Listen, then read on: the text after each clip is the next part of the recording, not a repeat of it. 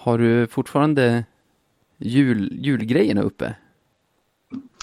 Varenda tomte och belysning är fortfarande kvar i Casa Sebastian. Uh, ja, det, det stämmer. Uh, av den enkla anledningen att ett, jag är ganska lat. Så, så jag, så jag, och det, det är mycket jobb att ta bort. Och sen så är det ändå... Fan, det är snart jul igen. Är lite mysigt. Ja, det är ju det. Liksom, det är ju redan tre månader in nu. Så ja. det, det, det går fort. Men får fråga, liksom, vi har ju ibland julpynt kvar hela vintern om det är kanske så här en liten ljusslinga i, i buskarna runt uteplatsen till exempel. Ja, eh, men har du liksom adventsljusstakar uppe och, och stjärnor i stjärnor i fönstren liksom tända fortfarande? Ja, så, så kan det vara. Ja, så kan det vara. Uh, också det är en adventsljusstake som är bara tända en gång. så jag ser det som en vanlig ljusstake just nu. Ah, shit, dina grannar kommer jag tänka. Du minns när jag bodde min senaste lägenhet, eller inte sista vill jag säga, min senaste lägenhet i Umeå. Då hade jag en granne som missbrukade en del, hade det tufft mm -hmm. så. Och som alltid hade, alltså som hade adventsstaken i fönstret året runt. Och så ja, här, helt rätt. Eh, dina grannar kanske tänker något liknande om, om dig. ja, vadå, jag är förberedd, så ser jag det.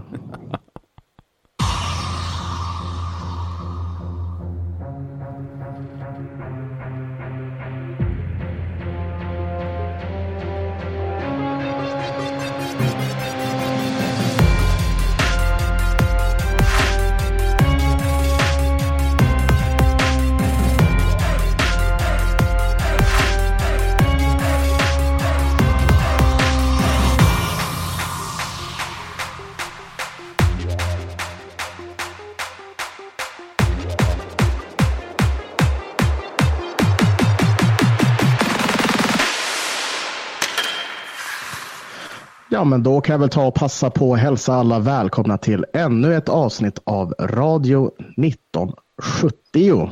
Eh, hur står det till med dig min vän Navid? Ja, hur står det till egentligen?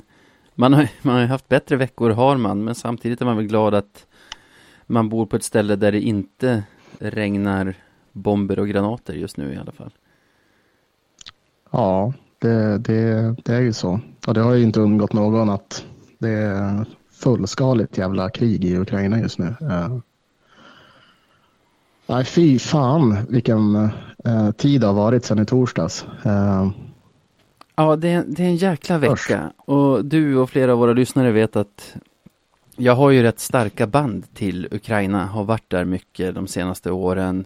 Båda mina barn är födda där, har nära och kära som bor där och liksom när man 24-7 tänker på det där, försöker hålla kontakten med dem man har kontakt med och sådana saker.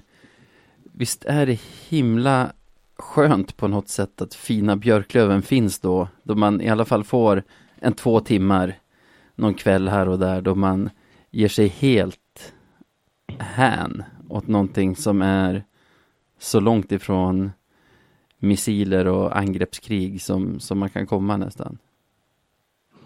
Ja, det är ju det. Eh, det har ju varit de här matcherna faktiskt. Eh, som har varit någon sorts liten fristad i sig. Men ja, det... Ja. Det är skit. Men det, ja, det Björklöven, Björklöven har levererat i de här tre matcherna, får man säga. Eh, ja. 5-2 hemma mot Tingsryd, som du tippade förra veckan innan jag hetsade dig att ändra till 6-2 och 7-2, eller jag tror du ändrade dig till 6-2 sen och jag hetsade dig att ändra till 7-2 eller någonting, men du hade en 5-2 där, du, det, skulle, det skulle gå att fulklippa ut att du sa 5-2. Jag hade ett tips som var att Löven skulle slå Kristianstad med 4-2. Den föll in. Mm. Sen tror jag ingen av oss satte att vi skulle vinna med 6-1 borta mot Västervik, men nio fina pinnar in på kontot och det är väl lite fler än vad i alla fall jag hade räknat med, eller? Ja, nej, men det, det, det är det väl. Eh, men, men framför allt så skulle jag väl ändå påstå att det är otroligt behövligt eh, för laget i det här skedet som vi är i. Eh, ny tränare in och, och allt som har varit. Det måste vara fantastiskt att ha fått en sån här start helt enkelt. Ja, verkligen. Så. verkligen. Särskilt om man kommer in som tränare bara någon timme innan sin första match. Så... Helt otroligt faktiskt. Du, du blir offentliggjord fredag typ eftermiddag.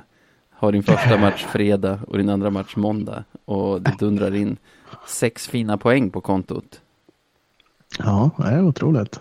Nej, men det var... Mm, nej, det... Jag, som sagt, laget behövde det här. Eh, och jag tror att... Eh, och då inkluderar jag även Stråle i det. Eh, det måste vara otroligt skönt för honom att komma in och och se gubbarna prestera. För det har ju faktiskt, det är faktiskt varit så enligt mig i alla fall att vi har spelat rätt så, rätt så bra eh, de här matcherna. Det finns saker att slipa på såklart, men, men, eh, men jag tycker att vi har spelat rätt så bra. Så eh, det är en härlig utveckling vi har just nu.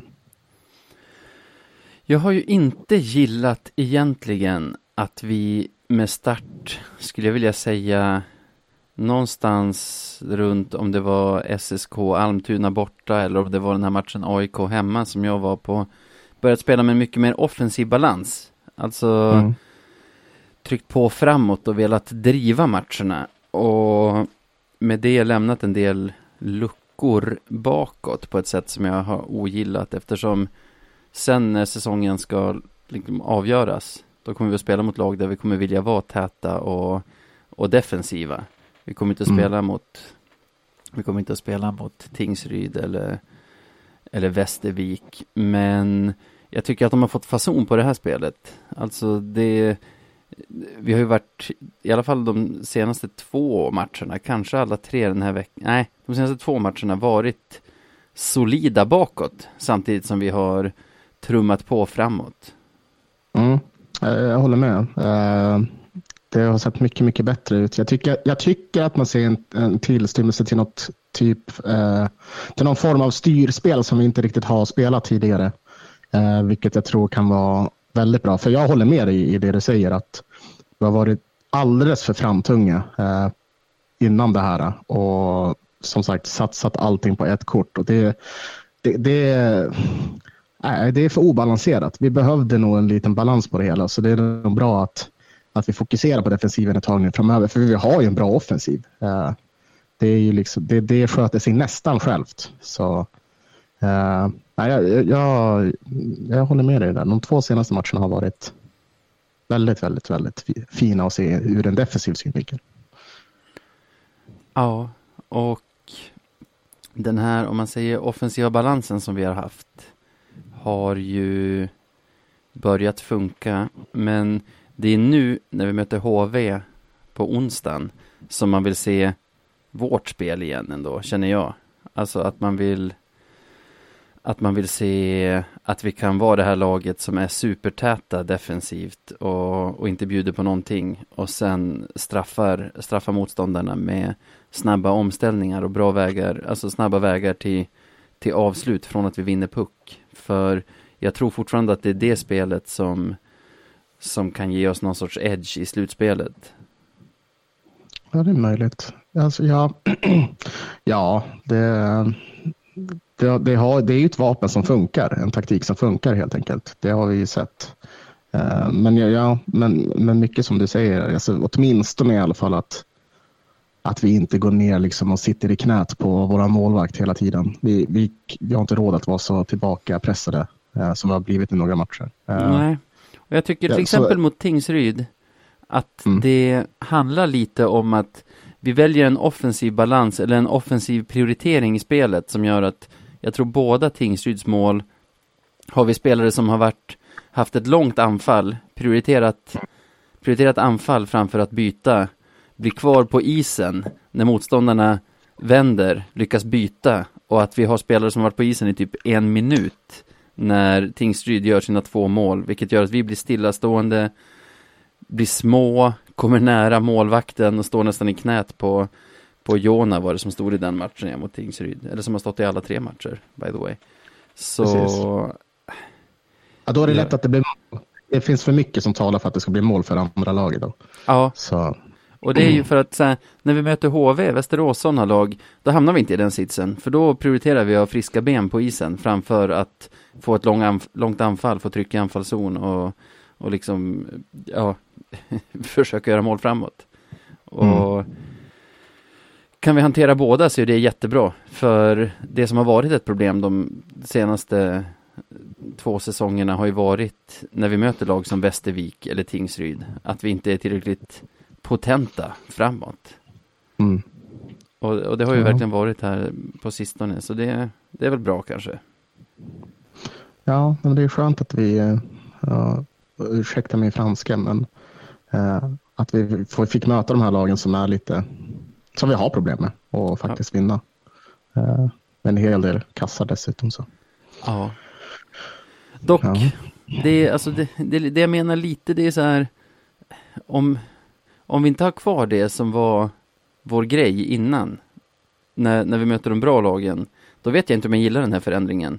För då är vi bara en sämre variant av topplagen. Alltså ett lag som spelar ganska offensivt och som manövrerar ut de sämre lagen. Det är ju, eh, vill vi gå hela vägen så kommer vi troligen vara tvungna att slå HV över sju matcher. Och det kan vi inte göra genom att spela glad offensiv hockey liksom.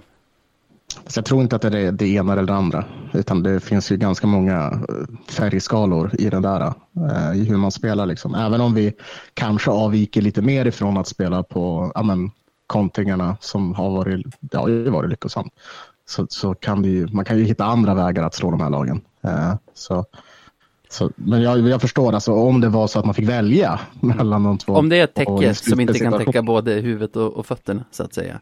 Så, ja, exakt. så vill man inte ska täcka fötterna. Ja, det vill man. Det vill man faktiskt. Men, uh, ja. Men samtidigt, vi vill ju vara ett topplag och då ska man behärska båda sätten att spela. Precis, det är ju det som är grejen. Och jag tror att Svenska Hockeyförbundets tävlingsnämnd slog spiken i kistan och såg till att vi i alla fall är topp fyra när den här serien är slut genom att plocka av Västerås fem poäng tror jag, fem inspelade poäng. Till mm. de har de två 5-0 förluster mot Södertälje och Västervik. Så det ökar ju spänningen runt vissa streck att, att vissa lag helt plötsligt har tre poäng mer eller två poäng mer än vad de hade för några dagar sedan. Och, och ja. Västerås som väl jagade oss får man säga, helt plötsligt har fem poäng mindre än vad de, än vad de hade. Så. Ja, precis. Jag tycker inte man ja, behöver, eller säger du? Det är ju skönt för oss, men i sig så är det ju ett jävla... Nej, eh, man tycker ju inte om det. Vi, kom, vi kommer fram till det. Ja. Det där med skrivbordssegrar. Ja, Nej, det rimmar inte. inte. Samtidigt är det svårt att störa mig på Svenska Hockeyförbundet när väl anmälan har kommit in liksom. De har ju ett regelverk som de måste förhålla sig till då. Och, och då blir det väl så här om de anser att, att regler har brutits. Det är ju, det vi pratade om förra veckan är ju mer det här att klubbar ska hålla på att anmäla varandra som, som mm. är störigt. Jag har väldigt svårt att glädjas över att vi, över luckan som blev ner till Västerås. Eh, hade hellre sett att det fick avgöras på isen. Mm, jag håller med där. Vad har vi mer från veckan då? Du var ju på partaj i fredags och jag eh, bor ju 60 mil från ladan så ingen av oss var på plats där. Så jag har varit tvungen att kolla med folk vad tusan som hände när vi mötte Kristianstad. Förstår du vad jag syftar på? Uh, nej, berätta. Det verkar ju ha blivit världshistoriens grinigaste match. Ja, ja, ja. ja. ja det, det, var, det var lite grinigt. Jag såg den i efterhand. Inte, ja, kanske inte hela matchen, men mycket av den. Det var, jag vet inte riktigt vad det var. Trevor Sheek var ju på ett jävla humör i alla fall. Det är en sak som är säker. Um, ja, men alltså så. framför tvn så tyckte jag det var helt omöjligt att fatta när det liksom eskalerade. För varför? liksom matchen pågick och sen helt plötsligt var spelarna galna på varandra och det small i varje närkamp och det skreks mellan båsen och jag, jag, jag fattade ingenting. Boraman var galen i sin intervju eh, inför, eller efter andra perioden och, och Gat var galen efter, efter match. Han var, han var ju orimligt galen. Jag vet inte riktigt så här, Gat, han måste ha vaknat på helt fel sida. Ja, Och jag man- arg på allt och, tyckt, han, och hans, match, hans matchbild, den som han målar upp. Analysen Oj, oj, efter. oj. Ja, Ja, den, den, den, den, alltså det, den är så långt ifrån min så det, det är lite jobbigt nästan. Då samma börjar här. jag tänka, jag börjar tvivla på mig själv om han säger sådär, men vad fan, såg vi verkligen samma match? Äh, du behöver nog inte tvivla på dig själv. Men det var ju sådana grejer man studsade till på hemma framför tvn. Att vad är det som händer? Sen såg man ju uppdateringar på sociala medier från folk som hade varit där och som, som var, du vet, så här, upprörda och galna som man bara är. Ja, men du vet ju känslan när man är på plats i hallen och det är en sån, en sån kväll liksom. Ja, ja. Nej, men jag mässade lite med min lillebror till exempel som hade varit på plats som sa att det började redan från första minuten när Ki- Kik och Ville bråkade vid något tek. Och, ja, det börjar direkt. Ja, sen mycket gnabb matchen igenom. Eh, som jag tror inte framgick på tv. Nej, det gjorde det inte. Hutch bråkade med någon i första. De fortsatte skrika mellan båsen när situationen var över. Och, och sen var det ju ett det var ju en tidig, en tidig blockeringsavblåsning där Mm. Kristianstad gärna hade sett att de hade fått fortsätta spela för de tryckte in pucken i mål där en, en kort, en bit efter avblåsningen och det det drog väl upp tempen lite men det var verkligen så här oj, hur, alltså man fick en försmak av hur hur känslorna kommer svalla under slutspelet. Ja, men det var, det, var, det var uppfriskande var det, även om det var svårt att kanske riktigt greppa det hela. Men, men det var uppfriskande, så, så var det. Vi, vi har ju angående slutspel en spännande grej där som jag tänkt på. Just nu Mhm. ligger ju Karlskoga trea och Kristianstad sexa.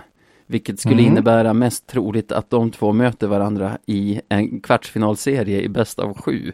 Och det Mm. kommer ju vara en for the ages. Alltså där, kan- där får man inte missa en match. Det kommer ju att vara Alltså, det kommer, Ja, gud, det kommer vara stökigt. verkligen. Men hur funkar det riktigt där med hur de väljer? När de Eller åtta är- kvartsfinallagen är klara så får ettan, som troligen kommer vara HV, välja först. Sen tvåan i dagsläget Modo, men de är ju väldigt jagade av, av Karlskoga. Och sen trean välja. Och förra säsongen var det ju ingen som vågade sticka ut hakan och välja något annat än det lägst placerade laget ur serien. Och kan tänka mig att det blir något liknande i år. Och då blir det ju Mm. det finns ju två sätt som, som Karlskoga och Kristianstad kan få möta varandra. Det ena är ju om det slutar exakt som det är nu.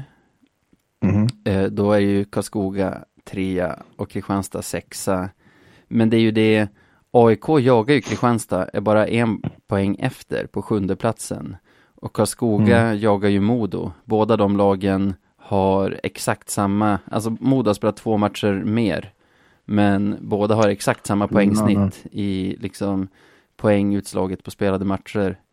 Så jag tror att gör man en snitttabell så ligger Karlskoga tvåa redan nu på målskillnad.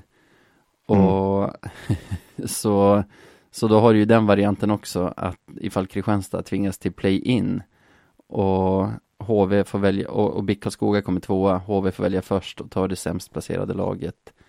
Och BIK Karlskoga väljer sen och tar nästkommande lag som är Kristianstad. Då har du den där bataljen igen. Vilka kommer vi få möta då?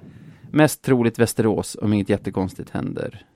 Eller så Mm. jättekonstigt behöver det inte vara, men de är ju om jag, jag tror de är två poäng före Kristianstad, men med tre matcher mindre spelade eller något sånt. Mm. Så, så de är ju på femteplatsen där. Och de har ju ganska långt upp till oss. Jag tror att om man skulle sluta ett snitt per match de ganska långt ner till Kristianstad också. Och vi har ju vår tur ganska långt upp till tredjeplatsen. Så med största sannolikhet så blir vi fyra och de femma. Innan deras poängavdrag fanns det en chans att de skulle bli fyra och vi femma. Men Mm. det känns ju som att det blir vi och Västerås mot varandra i kvart i alla fall. Och som det ser ut nu, vi som har hemmafördelen. All right. Ja, spännande. Det kan bli kul. Mm. Det kan bli svårt också. Ja, det är framförallt svårt. Men, ja, men det ja, ska man åka, ska, skulle man åka ut till något lag så är det väl dem. Det är och HV kanske. Så, ja. Spännande. Ja, det är HV och Västerås som jag egentligen hela säsongen har varit lite rädd för att stöta på i en slutspelsserie. Men det är väl bara att brösta det om det, om det kommer. Vill man gå upp så, så är ju båda de sådana som man måste räkna med att få slå ut på vägen. Så man får väl ta tjuren vid hornen redan i kvart då. Du! Vårt powerplay har ju varit svinbra i veckan. Och ja.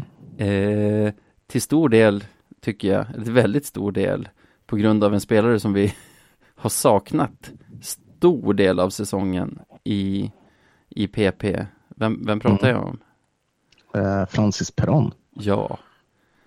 Alltså, han smäller ju in ett, visst var det den här veckan, jo, mot Tingsryd var det väl, som han smäller mm. in ett så här patenterat vid första stolpen, när de, när de gett honom lite för mycket tid med pucken. Det är Lisse på banan på andra sidan, så, så Tingsryds balans ligger väl lite där. Så då ja. så här, han får smyga en meter med den för att komma i favoritläge och sen vet man ju nästan att det kommer ringa. Men det sjukaste powerplay move jag tycker han har gjort den här veckan, det är ju i måndagsmatchen mot Västervik. När, när han lyfter upp en passning i typ knähöjd, som sen bara landar perfekt på Olles klubba, så han behöver egentligen bara stöta in den i bortre medan målisen gör en lång förflyttning. Den tyckte jag var helt vansinnig. Ja, den var rätt så fräck faktiskt. uh, ja, nej men uh, vilken jävla kemi de har när de är tillsammans. Och vilken ja. potential de har framför allt. Det, ja. det, jag tänkte säga att det slår gnistor om dem, men det, ja, det kanske gör det. Uh, det de, man minns ju hur bra de var i slutspelet. Och nu verkar de, alltså om Francis får vara hel och Liss likaså så kan det bli riktigt kul där. Ja, och jag tänker så här, har de ens kemi? Eller har alla spelare, alla högerfattade spelare i världen kemi med, med Perron när han är som han är nu och som han var i slutspelet? Alltså, ja, det är bara att stå där så vet du att du kommer ha den på bladet snart. Det, ja. Då skadar det inte att ha en sån kanon som Olle på andra sidan dock. Nej, det gör det inte. Det skadar aldrig att ha en sån kanon. Inte när det är en kanon ja. i alla fall, och det är det ju verkligen nu. Ja. Beast Mode aktiverat ja, igen nu i måndags. ja, verkligen. Alltså, vi har väl spelat 46 matcher nu tror jag. Eh, vi har Francis spelat 23, eller varit ombytt i 23, alltså exakt hälften. Han är ändå delad tvåa i powerplay-mål tillsammans med Kristoffer Bengtsson efter Jerry Fitzgerald. Är det sant? det, alltså det är ingen superbedrift. Vårt powerplay under tiden han har varit borta har inte genererat massor med mål. Men om man tänker sig Hutchings, Gropp och Liss har tre powerplay-mål vardera. Perron fyra. Mm. det är så stört alltså. ja, ja. Nej, det blir faktiskt gyllene när han och, när han och Olle får stå mitt emot varandra i PP där. För båda du måste ha, det är som att du måste balansera ditt boxplay mot båda och det går ju inte. Mm. Nej, exakt, du kan inte överbelasta på en sida för då, då kommer du ha den andra ren. Ja. Och, och inte nog med det, liksom, Ja, vi har ju vi har, vi har ju ändå Jesper Lindgren som brukar stå där på blå också. Ah, ja, ja. Göra det och fördela. Så det finns, det finns mycket, det finns mycket, alltså många hot här. Så. Ja, men särskilt ja. tänker jag från högersidan, eftersom Perron är sån otrolig avslutare och lägger sådana precisa mackor, så är det ju verkligen så här. Finns luckan gör han mål, finns inte luckan så kommer Olle göra mål på, på, på ass från Perron. Så känns det nu. Ja, så känns det. Och det känns bra. Ja. Eh, Vainio utgick skadad mot Tingsryd va? Eh, var det det? Eh, det var det nog, för det var första matchen av de här. Mm. Eh, det var väl en, en, en, ja, en situation som man först kanske trodde att det var någonting mot huvudet, men det var ju, mot, eh, det var ju benet som, som vek sig på honom lite grann. Ja, jag, jag tyckte det såg, ja, jag tyckte det såg otäckt ut också. Det är inte en, det är inte en galen knuff av Tingsrydspelaren tycker jag egentligen. Nej. Utan det är att han står på knä och liksom får överkroppen puttad bakåt över liksom över knät mm. eller vad man ska säga. Ja, så det är mest bara olyckligt egentligen. Uh, ja, Ja, prognosen nu är väl... Det är alltid svårt det där man blir så otroligt rädd Mm. när det är sådana spelare som typ Vainio. Ja. För man vet att så här, petar man på... Nej, okej, nu ska jag inte vara sån mot honom. Men, men typ petar man på honom på fel ställe med, med, en, med fingret så går han ju sönder. Liksom. Så det, eh, ja, man blir rädd när man ser det där. Men, men eh, det skulle väl inte vara så länge, eller hur? Nej, Kente har sagt till VK idag att det är en till två veckor från nu. Sen vet man ju att Kente är en Ja, lurig rackare med sånt där. Han, han, han kan nog spela nästa match med lite tur. ja, Tio matcher senare. eller om två år. Däremot så kommer jag alltid vara orolig när han är på isen, för han verkar ju ha Plants förmåga att hamna i situationer. Mm. Alltså du Alltså, har ju... tänker du riskfyllda situationer? Ja, alltså om man tänker så här. Rahimi är väl bäst i världen på det, men du hade ju även Deilert, du har Lindgren, spelare som är lite coolare, som tar emot pucken, inväntar Mm. tacklingen, tar emot tacklingen, sen spelar. Sen har du ju sådana som Plant som alltid går rakt in med huvudet först och, och spelar puck liksom. Och det, det är ju alltid med fara för sin egen hälsa, även om det ser jävligt läckert ut från, från sidan av. Så eh, jag börjar känna att Vainio är nog en sån som man får lägga till på, på liksom hjärtat i halsgropen kontot när, Ja. när det spelas puck. Ja, alltså. Ja, gud. Han och Plant, alltså stackarna. Det känns alltid som att det kommer vara något med dem. Herregud. Knäpptyst runt Plant. Jag hade nog trott, Ja. eller jag har ju, jag vet inte, du är säkert samma, man har hunnit räkna bort honom vissa gånger under den här säsongen och sen när vi bara värvade en back där i slutet av transferfönstret, då tänkte Mm. jag så här, ja men då måste de ju räkna med att han är tillbaka relativt snart, men man har ju inget snack om att han skulle vara på väg tillbaka eller något sånt. Nej, det, man har faktiskt ingenting. Och det är också så här, det är lite konstigt, för Plant har ju alltid kommit tillbaka tidigare än vad man har trott. Ja, Det, han känns ju som att, han, att han, det är något mirakel att han, att han ens spelar hockey till att börja med. Mm. Det, bara det är ett mirakel med tanke på hur skadad han blir. Men han har ju den här förmågan att han har läkande, läkande kött. Liksom. mm. Så att, men nu är man ju lite orolig eftersom det har tagit så lång tid. Ja, och man vet ju inte vad det är. Jag tror allt de rapporterade var en smäll. Han har haft ganska många hjärnskakningar bara sedan han kom till oss. Så, eh, Han var om, om. Liksom. så om det är det nu, då hoppas jag nästan för hans skull att han, att han låter hockeyn vara. Alltså, det är ändå en ung kille som ska leva en, vadå, 70 år till. Eh, Ja. Det vill man gärna ska vara med så få men som möjligt från, från alla smällar han har fått. Mm, ja, men precis så. Det var ett sidospår du. Har vi något mer från veckan? Ja, eh, Baudouin, Baud- Baudouin, Baudouin, Just det. Baudouin. CDB kallar jag honom bara för. Eller Baudin sa jag att vi skulle kalla honom Baudin. Baudin. ja, Men jag kommer inte vara, jag kommer inte vara så elak att ge han Judas efternamn. Liksom. Så det, nej, det blir Baudouin. släpp det där nu. Ja, men det låter bra. Baudouin. Vad kom vi fram till första gången vi pratade om det? Bö, Ja, vi hade inte sett så mycket på, på honom då. Baudouin, vi- tror jag då. Jaha, du menar namnet? Ja. Ja, jag minns inte riktigt. Ja, han är ju över alla Ja. förväntningar i alla fall. Jag tycker han är, han är liksom en hybrid av Rahimi och, och Linge, som jag tycker är vår bästa defensiva back och vår bästa offensiva back. Ja, eh, ja, han är väldigt bra. Stabil defensiv, bra framåt. Mycket bättre framåt än vad jag trodde att han skulle vara. Mm. För det var ju sen när man såg, eh, ja, man är alltid inne och tittar lite YouTube och sånt och tittar stats och allt möjligt. Uh, vad det nu än ska hjälpa. Så kändes han ju mer som, alltså mycket mer som Rahimi än någonting annat. Ja, Men eh, han har visat sig vara riktig allrounder. Det är duk- han är duktig, får man Ja. säga. och det har väl i och för sig Rahimi också gjort. Jag tycker den senaste veckan har han varit, alltså han har alltid varit bra, men i veckan som gick, om det var i senaste matchen, så pratade jag med några kompisar och bara, när blev han världens bästa back? Alltså, så, så himla rejäl, noll misstag i försvarsspelet och en av de backar som jag tycker trycker på bäst framåt och sätter press och liksom håller oss i anfall många gånger. Det, där är man inte van att se honom vara var så skicklig som han är nu. Ja, men det har sett bra ut. Det, ja, fortsätt så. Ja. En till grej.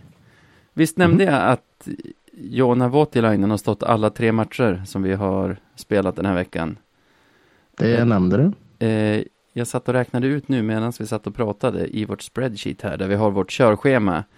Totalt mm. har han räddat 83 av 88 skott som han har fått på sig den här veckan, vilket ger honom 94,3 i räddningsprocent. Det är värt att nämna oj. i alla fall. Oj, oj, oj. Det är hur bra som helst ju. Måste man säga. Skitkul. Ja, skitkul. Verkligen. Jag vet inte när han fick så mycket skott på sig. För vad då 80, vad sa jag, 88 skott över tre matcher. Det är nästan, det är nästan 30 skott per match. Mot Tingsryd var det väl en del här för mig. Ja, det var 30 mot Västervik. Det var 26 mot Kristianstad. Så ja, vi behöver inte kontrollräkna, det stämmer nog. 31 mot Tingsryd, ja. ja det, är, det är bra att han är att han är i form, för det är ju snart slutspel och han är väl vår första målvakt kan vi väl konstatera. Ja, det kan vi konstatera.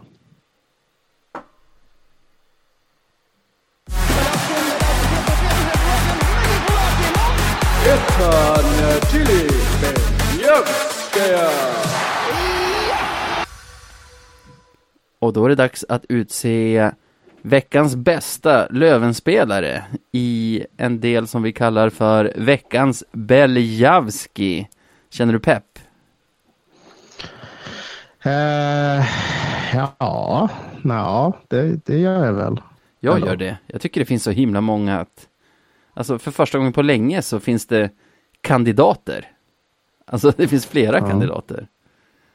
Ja, men det, det, är en del som har varit bra. Uh, men vem har varit bäst? det är det vi ska besvara. Jag har så många så du får nästan börja. Uh, Okej. Okay. Kan du gissa vem jag kommer ta? Jag måste tänka. Vi har väl... Har vi tre mål av Ottosson nu i veckan? Vi har massor av Bengtsson. Vi har ju två av Liss också i powerplay. Så har vi Perron, vi har ju Fitzgerald har varit bra, vi har Voutilainen i mål, vi har... Ah, om jag måste gissa... Mm, Våtil... Nej, Ottosson. Nix. Jag landar i listan den här gången också. det är någonting med honom eh, som, för, alltså som efter han börjar göra mål igen, så han, han är en helt ny spelare. Han är, även fast jag till och med innan den här målkavalkaden som han har gått på eh, sa att jag tyckte att han har blivit bättre overall, eh, men på andra vis. Så jag tycker att det, det syns ännu bättre nu och, och folk upp, till och med folk uppskattar det mer för att han, i och med att han gör mål. Eh, men med det sagt, alltså jag, jag Olle gör så extremt mycket bra på isen just nu. Eh, både i sitt försvarsspel, Uh, han vinner puck offensivt när han pressar även fast han är segast i laget. Han uh, gör mål, han passar eh, fram till mål. Liksom två mål och två assist. Det, det, det, det, det är bra. Eller det, det, det är fenomenalt är det till och med. Så, så för mig var det, var det ett enkelt val den här gången. Jag tycker att han har varit bäst. Okej. Okay. Okej, okay, då gör du det svårt för mig. Jag har ändå några stycken jag skulle välja före honom tror jag. Eh, vi har ju nämnt Voutilainen. Vilket känns bra, för jag kommer inte ta honom heller. Vi... Han var ju klippa förra matchen också. Det måste man ge honom, alltså Voutilainen. Ja. ja. Riktigt bra. Vi har ju några viktiga mål av Kristoffer Bengtsson den här veckan också. Så han förtjänar väl att nämnas. För jag kommer nog inte ta honom heller. Jag tror han gör tre mål. I, varav både, han gjorde ju öppen kasse väl mot Kristianstad. Så gjorde han ju mål som kändes viktiga mot, mot Västervik också. När vi leder med 1-0 och matchen står och väger är det ju han som gör 2-0. På ett otroligt ass av Fitzgerald i och för sig. Han behöver bara stöta in den där. Så gör han ju öppen kasse. Ottosson har blivit en powerplay-kung. Han gjorde ju powerplay-mål mot Kristianstad, powerplay-mål mot Västervik, plus ett till mål, ett bonusmål där alldeles i slutet av Västervik-matchen.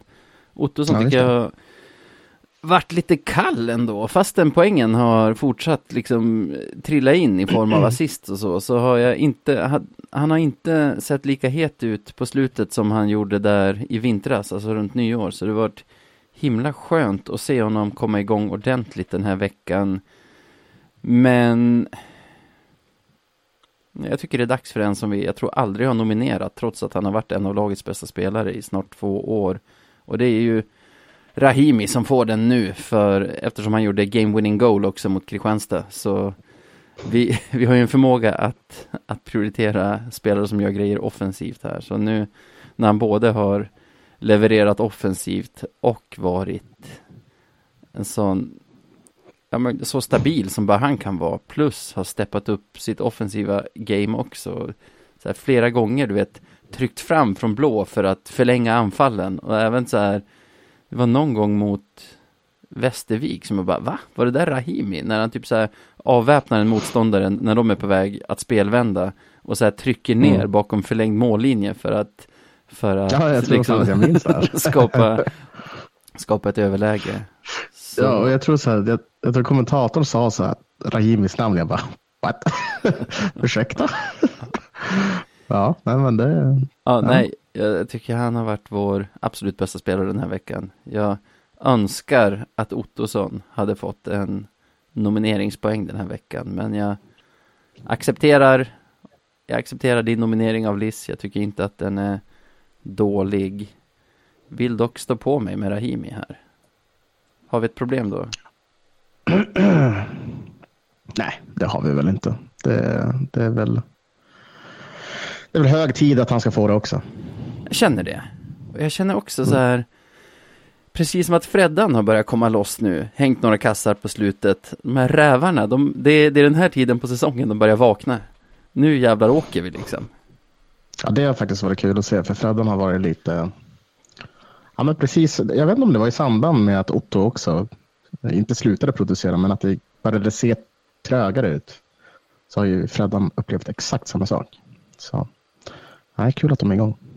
Jag tycker också att kaptenslinan har fått ett uppsving på slutet. Inget ont om Selin, men han har ju suttit på läktaren de senaste matcherna.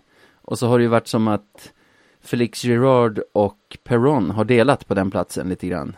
Ofta Gerard i fem mot fem, även om en del Perron också och sen eh, eh, Ja men det har gjort den spetsigare och det har kanske öppnat upp lite för Freddan på ett annat sätt också. Mm. Så jag vet inte vad, vad han tankar in på i antal poäng, men jag minns i alla fall en assist han gjorde i veckan och minst ett mål. Plus att han gjorde väl mål förra veckan också. Så skitsamma, det är inte ett segment där vi pratar om vilka som har varit helt okej okay på slutet. vi säger väl grattis Daniel Rahim idag. Grattis. Kanske för första gången, det vet jag. Det ska jag inte ta gift på. Kanske för första gången. Veckans Beljavski.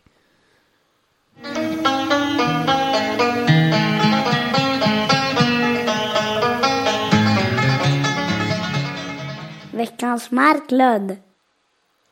Ja, då har vi landat i segmentet som heter veckans Marklund. Alltså eh, det segment då vi eh, utser veckans mest klandervärda.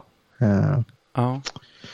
Vi har ju det... pratat ihop oss innan om att här, det, det blir så här den här veckan. Men för vi brukar ofta prata om att vi måste få utse i, inom kontexten för den här podden och vad som händer i vår värld. Skulle man alltid ta den mest klandervärda så skulle det varje vecka vara sådana som Putin, Xi Jinping, vad heter han, Bolsonaro mm. eller Kim Jong-Un.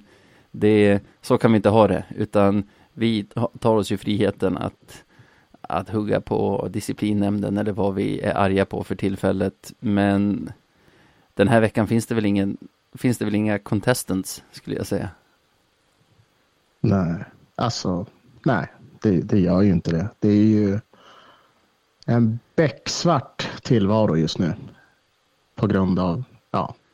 På grund av Vladimir Putin, president ja. i den, eller envåldshärskare i den ryska federationen. Och, mm. Alltså, vill ni ha mer analyser om Putin, vänd er till andra poddar och media outlets eller så. Det, ja. det är bara eh, på alla nivåer den här veckans sopa. Ja, verkligen. Verkligen, verkligen, verkligen. Eh, med all rätt. Grattis Vladimir då. Du är sämst i världen. Grattis.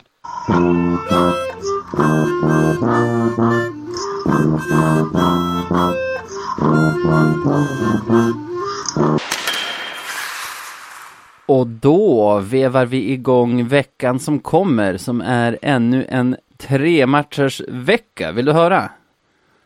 Ja, berätta. Vi är ju på Smålands roadtrip. Den började ju redan i måndags när vi spelade i Västervik. I, jag tror aldrig vi fick till arenanamnet när vi pratade om det. Plivit Arena. Plivit. Nej, Plivit Arena bara. Ja. Där satt jag med mitt Plivit Trade Center. Men det, visst har det hetat det? Det måste ha det hetat, hetat det. Plivit någonting Trade i alla fall.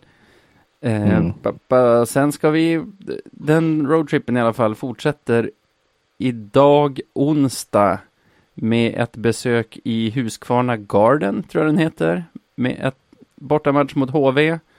Fredag har vi förflyttat oss, förflyttat oss ner för E4 till Ljungby, ska möta Troja. Mm. Sen redan på söndag ska vi vara tillbaka i Umeå och ta emot Hästarna. Hästarna, hästarna från Peking. Ja. Det är en match det. Ja. Fina hästarna ändå. Aha. Oj, oj, oj. Ja, det, det, ja, de har en speciell plats i ens hjärta har de ändå. Ja, på något sätt. På något konstigt sätt så är det så. Men det här är ju en fantastisk vecka. Det, det är en hästweekend. Det, det, är, det, det är de trojanska hästarna på fredagen följt av de vita hästarna på söndagen. Ja, vad kan vi kalla de mytologiska i och med att det är Sleipner de, de, de, ska vara. Just så. de mytologiska hästarna. Ja, fornnordiska hästarna kanske. Nej, skitsamma. Ja. Eh... Vart går vi härifrån? Vi, vi börjar väl ja. i Husqvarna Garden då? Ja, tack. Kan med, vi göra det? Med HV71. Ja, jag var en sekund därifrån att börja en utläggning med bara, du David, vet du varför de heter Vita Hästen? jag, känner till, jag känner till det. Ja, men... Eh, vi spar ja, det till slutet. Nu är det HV71. Ja, Jävla namn HV71. alltså. Ja, det är... Ja. Um, vad tror vi om den här då? Ja, men det är ju det är en tuff match. Det är väl den tuffaste matchen man uh, ska ha, helt enkelt. De ja. seriesuveräner och, och uh, ja, det, det, är svårt att möta dem borta. Bra publik, uh, mycket publik framför allt kanske. Men ja. det här, och det, det, känns som en match som kommer vara oerhört viktig för oss. Ehm, Jag tycker den känns livsviktig. Vara, och det, ja.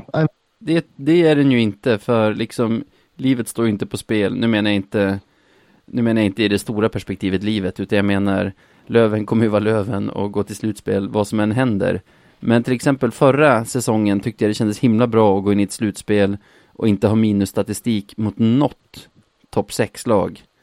För att, för att vi ska mm. kunna känna samma sak inför det här slutspelet så måste vi vinna den här matchen mot HV och vi måste vinna vår sista match mot Västerås, när den nu är. Och mm. jag vet inte om det här är något spelare bryr sig om, om det ger något psykologiskt till dem eller inte. Men, men för mig är det viktigt. Jag, jag, skulle inte vilja, jag skulle inte vilja gå in i en slutspelserie mot ett lag som vi har minusstatistik mot över, över de fyra mötena i grundserien. Nej, nej men jag, jag kan hålla med. Uh, och sen så, ja, precis som du säger, man vet inte om det spelar roll för dem, men, men det hade varit jävligt skönt om vi vann den här. Uh, och det, men som sagt, det kommer i ett skede då jag tror det är viktigt för laget i sig att få den här vinsten. Att de, nu har de slagit de här lagen och att kunna liksom fortsätta rida på vågen även om man möter ett lag som är på en helt annan nivå. Uh, det, det tror jag kommer vara hur viktigt som helst. Så nej, den här matchen ser man fram emot. Eh, eller jag gör det. Jag, jag ser jättemycket fram emot den här matchen. Jag också. Det ska bli spännande. Och jag går också in personligen, personligen med, med relativt höga förhoppningar. Ja. Jag, jag, jag, tror på den här matchen. Liksom. Därför kanske jag borde tippa först också.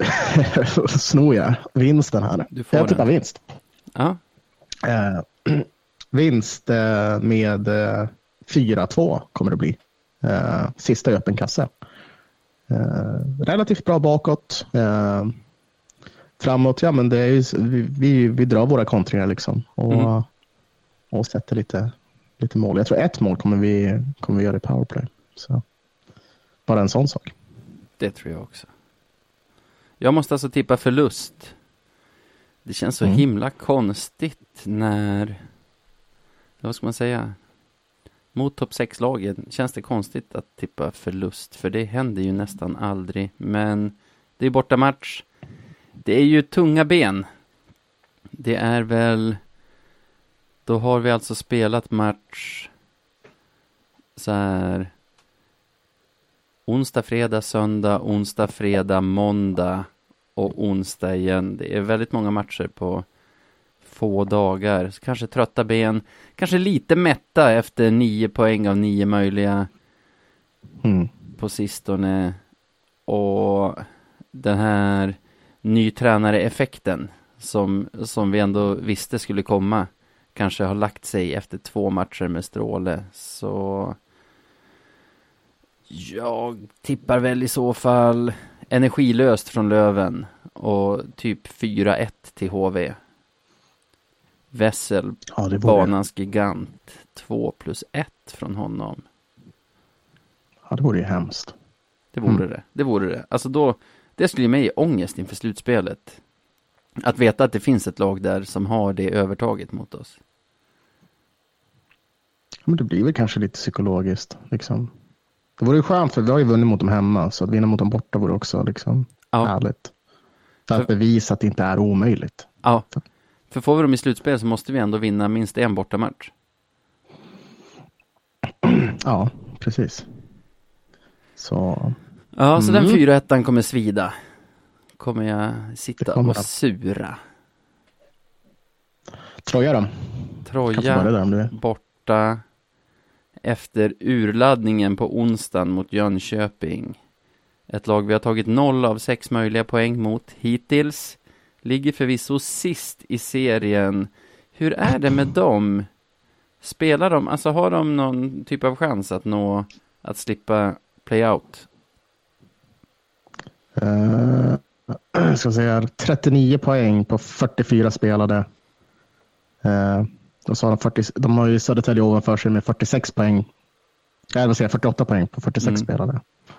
De har inte uh, så, så mycket att hoppas på faktiskt. De måste ju gå om, alltså de är färre spelare, mycket färre spelade än Almtuna, fär, två färre än Södertälje. Men de ska gå om båda två och det är ändå massor av poäng. Det är nio poäng upp till Tälje och elva poäng upp till Almtuna. Nej, okej. Okay. De, de har, de krigar inte för någonting egentligen. Mer än att de vill ju såklart toppa formen till play-out. Jag var annars väldigt inne på att jag skulle tippa torsk. Men om jag tror att vi förlorar mot HV, då kommer vi ändå med någon sorts revanschlusta ner till Ljungby. Så då tror jag väl att vi vinner med 5-2. Mm. Bengtsson mål i öppen kasse. Ja. Jag tror ju då att vi kommer ha svårt för Troja. Eh, motivationsproblem kanske det blir efter att ha mött stora starka HV. att man ja, inte riktigt tar sig an uppgiften. Eh, förutsatt, ja, låt oss säga att vi kanske vann mot HV. Då. Att man ska cruisa igenom den här matchen och ligger ändå sist. Går vi in i den fällan igen liksom och slutar spela hockey. Eh, och det, det,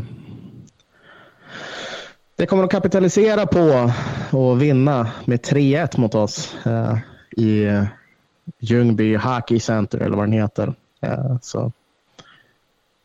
Ja, det blir en trist, en trist bortamatch. Blir det. Ja. Och sen så avgår Stråle. Efter, efter hårda toner på, ja. efter mycket, efter mycket Stråle out på Twitter. ja, eh, nej men eh, torsk, eh, tror jag. Ja, sa du siffror? Ja, 3-1 va? 3-1, ja, den är ju trolig. Sjukt, inför hade jag nog om jag hade fått gissa innan hade jag tänkt så här, ja men mot HV kommer jag nog tippa seger och mot Troja kommer jag nu nog tippa torsk. Exakt tvärtom. Mm. Så kan det gå. Det Ska jag börja med sista eller? Ja, för det är ju, alltså jag ogillar den här, det här upplägget, fredags, fredag 19, lång resa och sen söndag 15, ny match. Tycker aldrig det blir något mm. bra av det. Varför ger jag dig tipset nu? Nej, jag, jag kommer tippa vinst. jag, tror, jag tror inte Vita Hästen har så mycket kvar i tanken. Alltså, så här, de har Marcus Eriksson. Det, det, och, och den här, är det Marenius han heter, han är ju fantastisk. Det är han. Ja, men det, det, nej, det kommer liksom inte gå mot oss, tyvärr. Nu, nu är det över för dem. Så nej, jag, jag tror det här är en så, faktiskt, den här matchen kommer vi däremot segla hem. Uh, peppar, peppar. Eh, 5-1 kommer det att bli. Så, ja. Det är väl också så att, eller nej, det kanske var Almtuna som bytte tränare i och för sig. Ah, skitsamma. Nej, men 5-1. 5-1. Mm. Just det, då får jag förlusten. Eh, ja. Jag, alltså, jag tycker alltid det känns bättre i magen att vara pessimistisk än optimistisk. Så... Men man har allt att vinna på att vara pessimistisk. Ja. exakt. Eh, vad ska vi säga, Vita Hästen hemma. De spelar ju ändå för, alltså det har gått så bra för dem i de här mötena mot Södertälje och det. Och de har ju ett ganska bra lag, tycker jag, på pappret. Vad heter han? Jag har ju blivit totalt förtjust i en av deras spelare, men ändå glömt namnet på honom. Ilestedt, va? Ja, så kan det vara. Jag känner igen namnet. Ja, men Fabian. Jag tyckte han var riktigt bra när vi mötte dem senast. Eh, spelar forward, eh, giftig, bra med pucken. Så här lurig spelare. Som man alltid, du vet man har vissa motståndare som när de är på isen då, då håller man alltid ett extra öga vart de är. Ja. Han är en sån för mig. 17 mål hittills. 29 poäng totalt på 44 matcher. Jag tror Riktigt att, bra. Ja, jag tror att han blir tungan på vågen tyvärr. Marenis bra, kommer göra säkert bra grejer för dem, samma med Eriksson, men det är Ilestedt som kommer trycka dit två puckar och de åker tillbaka till Norrköping från Umeå med en fin skalp. Men alltså förlåt Fyra, mig, nu är jag inne och tittar här. 4-1. Oj, sorry, fortsätt. Ja, du tittar på, säg. Ja, jag är inne och tittar på deras stats just nu. Mm. Det är alltså så att 36-åriga Marcus Eriksson leder deras poängliga interna. Med 42 poäng på 44 matcher. Mm. Det är så jävla otroligt. Alltså, vilken lirare han är ändå. Ja. Marcus Eriksson. Ja, Herregud. Tänk om han hade fått chansen att spela i bra, alltså förlåt äh, hästen, men ett bra lag liksom. Har han inte det? Vilken grej. Nej, han har, han väl testat. Han har väl testat annat? Nej, då? Nej, det har han nog aldrig. Det har jag kan ändå inte komma på Nej, nej. Jag tänkte att han var borta från hästen för något år sedan, men det tror jag var att han inte fick nytt kontrakt. Alltså att de typ ville ja. föryngra eller någonting. Men sen kom han ändå tillbaka och var Marcus Eriksson. Alltså, rätt då. Ja, men alltså jag gillar honom på det här sättet att jag skulle typ inte vilja att Löven försökte värva honom för jag tycker det är så himla fint att han är i hästen. Att han är deras spelare liksom.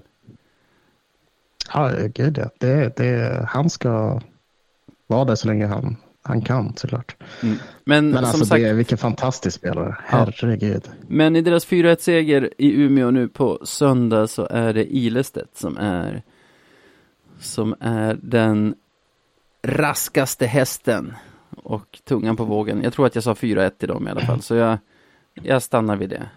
det Det är inte en vanlig siffra i Lövenmatcher, så jag vet inte varför jag sa det. Men jag sa den. Om man vill mm. hitta oss på sociala medier eller andra sätt i cyberrymden, berätta hur man gör.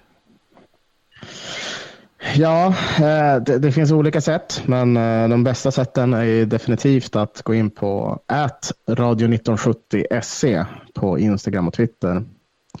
Och om du mot förmodan vill skicka eh, husmorstips mot förkylningar, eh, recept eh, eller någonting annat kul, då kan du mejla oss på podcast radio1970.se. Bra. Mm. Jag skulle vilja lägga visst, till, visst. om man vill göra någonting för krigsoffren i Ukraina, så kan man swisha till UNHCR, öronmärkt konto för Ukraina. Och det är, du swishar till nummer 123 36 57 8 4 8 1 2 3 36 57 8 4 8 Ja, bra, bra tillagt. Och sen så kan man, det är väl också värt att påminna om att Röda Korset i Umeå, eh, de håller på blixtinsamlar också för de som har farit illa i, i kriget. Och, Kläder och sånt? Så det man, Precis, där kan man lämna kläder. Man kan också köpa saker eller donera för att, man ska, för att de kan skicka pengar. Då. Så det finns en massa olika sätt. Det var det uh, du satt och höll på med nu innan vi ringde upp varandra va? Samla ihop kläder? Ja, precis. Jag håller på att inventera lite. Uh, och, ja, ska väl försöka ta mig dit så fort som möjligt då, så att de kan skicka iväg det till de som behöver det bättre. Ja, jag vet att allt är välkommet och kläder är nog inte så dumt för jag har varit i Ukraina den här tiden på året. Det kan vara riktigt jäkla buskallt ute. Särskilt på kvällar och mm. nätter. Särskilt folk som, som kanske har fått lämna sina hem och inte har redigt tak över huvudet. Så inte alls dumt. Nej. Okej då, stora skor tog vi på oss idag när vi utsåg Vladimir Putin till Marklund. Han kommer nog bli jätteledsen. Det tror jag också. Jag hoppas det. Ja. ja. Vi behöver inte be om ursäkt för att det kanske är sämre ljud än vanligt den här veckan, för det har ju lyssnarna i så fall redan hört vid det här laget. Så jag säger bara stort tack till alla som lyssnar och tack för den här veckan Sebbe. Trevligt som vanligt. Detsamma. Ta hand om dig nu. Ha det gött!